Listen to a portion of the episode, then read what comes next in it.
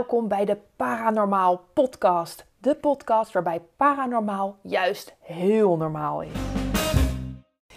Nou, vandaag is het het weekend van 3 oktober in Leiden. En dat is een bijzonder weekend, want 3 oktober in Leiden, dat weten de meeste Leidenaren wel, is het Leidens Ontzet.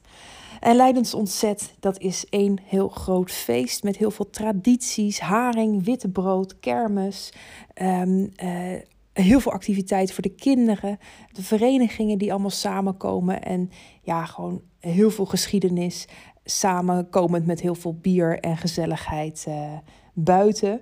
Um, weet je, voordat corona er was, uh, waren dit gigantische feesten waarin ook de grachten hier in Leiden met pontons uh, worden neergelegd, zodat je gewoon op het water kunt feesten. Dat je van de ene kade naar de andere kade kunt lopen met je meters bier. En uh, op elke brug staat dan wel een band of, of een. Uh, uh, muziekgezelschap, uh, feesten vieren.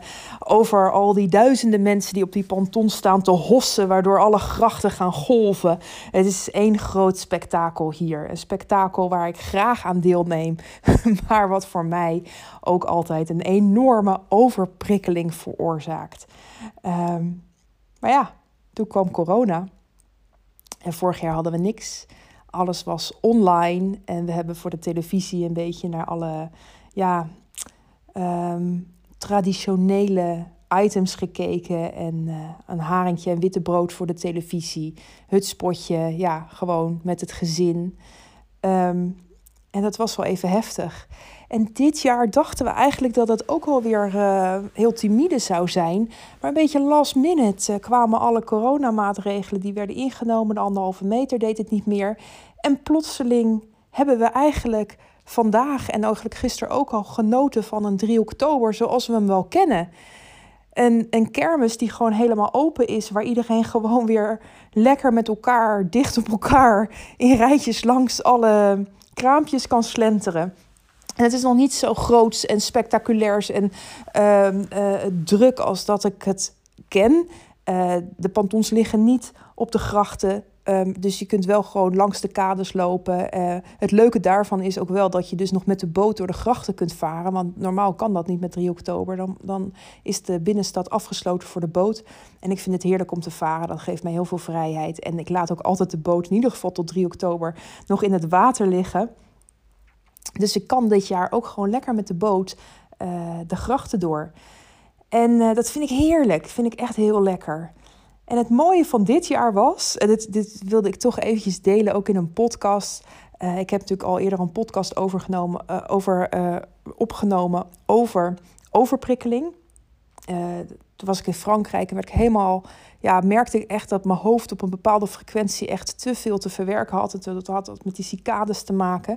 Maar ik wilde dit ook even delen, want ik liep door de stad over die kermis. Een, een drukte wat ik al in, in, in, jaren niet heb meegemaakt vanwege alle maatregelen met COVID. En uh, ik moet eerlijk zeggen, ik genoot ervan. Ik was ergens bang dat het, dat het misschien niet veilig was. Um, ik liep daar met, uh, uh, uh, met mijn man en met mijn dochter. Mijn man is echt heel erg geaard, gewoon heel erg gegrond. die is niet zo zweverig als ik. En dat is altijd een fijne toevoeging in mijn leven. Dat ik ja, ook weer eventjes met beide voeten op de grond word gezet. En we, we lopen daar met z'n drietjes. En we kijken elkaar aan van, dit is, dit is gek eigenlijk dat we hier zo lopen. En mijn man kijkt me aan en die zegt jee, ik vind het echt heel druk. Ik kan al dat geluid, ik kan het eigenlijk niet zo goed aan.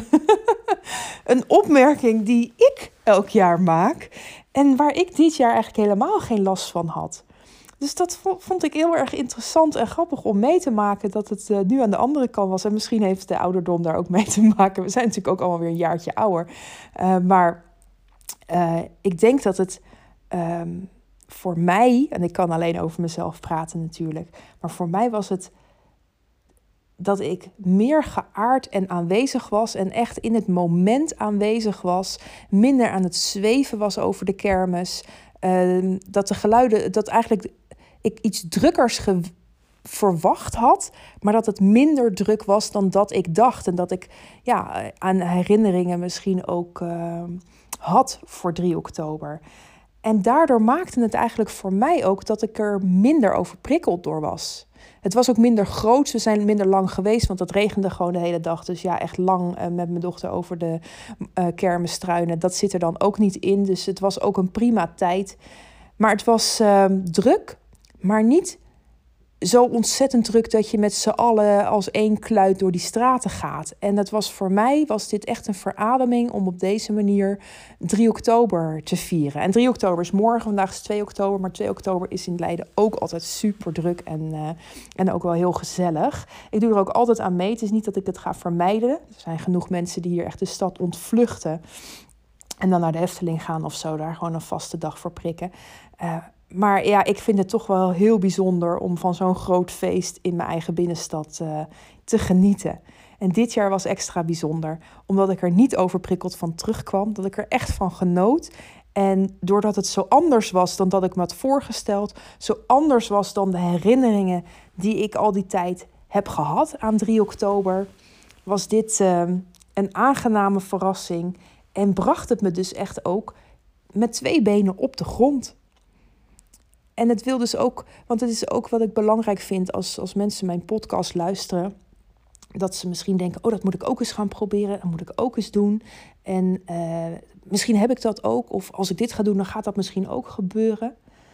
Maar het blijft dus voor iedereen zo'n unieke en individualistische um, manier, ja, ervaring. Hè? Hoe je met dingen omgaat. Hoe jij dingen verwerkt, dat doe je op jouw eigen persoonlijke manier. Jouw hersenen en hoe jij welke frequentie aan trillingen binnenkrijgt en kunt verwerken of juist overprikkeld van wordt, dat doe je echt op je eigen manier. En dat is niet je hele leven lang hetzelfde. Dat is ook gewoon leeftijdsgebonden, um, misschien zelfs ook um, hormonaal gebonden, um, fysiek gebonden, denk ik. En nog veel meer invloeden die, in, die, die jou op een bepaalde manier beïnvloeden, waardoor je prikkels op een bepaalde manier ook verwerkt in je hoofd. En uh, mijn man, die nooit last heeft van overprikkeling, was dus vandaag wel enigszins overprikkeld. In ieder geval, dat liet hij weten. En dat vond ik heel bijzonder en uh, interessant om eens te kijken van hoe zit dat dan. Uh, en dat wilde ik delen, want ja, vaak vertel ik hier hoe ik de wereld bekijk en hoe ik naar de wereld kijk. Hoe ik het, ja, wat er bij mij gebeurt van binnen, van buiten op de verschillende niveaus. En dat ik van niemand verwacht dat ze het ook op diezelfde manier ervaren. En dat het voor iedereen dus individueel zijn eigen beleving van de wereld mag zijn. En dat dat goed is. Dat jij als persoon uniek bent en hoe jij naar de wereld kijkt, dat dat echt helemaal oké is. Ook als je overprikkeld bent en ook als je niet overprikkeld bent. Er is geen goed, er is geen fout. En dat is zo fijn als je je daarin kan vinden, kunt accepteren en dat je jezelf daar lief voor hebt. Want dat is ook het allerbelangrijkste in de wereld, dat je jezelf lief hebt. In allereerste plaats altijd jezelf lief hebben. Er is niemand anders op deze wereld gekomen om jou lief te hebben. Ook je partner niet, ook al heb je een hele liefdevolle relatie. Ook je kinderen niet, al zijn die hartstikke liefdevol naar jou. Niemand is op de wereld gekomen om jou lief te hebben. Dat is echt iets wat jij hier op de wereld voor jezelf mag doen. En hoe fijn is het dat je daar dus ook zelf controle over hebt en dat je jezelf dus zo lief mogelijk mag hebben de hele dag. Gun die liefde aan jezelf. Want dan kun je jezelf en ook de leegte in jezelf kun je helemaal opvullen met liefde. En dat kun je elke dag op elk moment doen, zodat je je altijd vervuld voelt met liefde. En dan kun je ook nog veel meer aan dan dat je eigenlijk denkt. Dat wilde ik nog eventjes meegeven voor vandaag. Een korte podcast over 3 oktober. Morgen komt er weer een. Uh, morgen is het 3 oktober, dat is op een zondag. Dus alle festiviteiten worden hier allemaal verschoven naar maandag.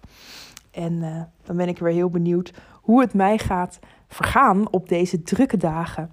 Maar ik denk dat dat goed komt, want als ik lekker op mijn boot door de binnenstad kan, dan weet ik mijn hoofd altijd heerlijk leeg te krijgen en kan ik lekker ontspannen. En uh, ja, dan kom ik de dag wel door. Veel liefs van mij. Doeg!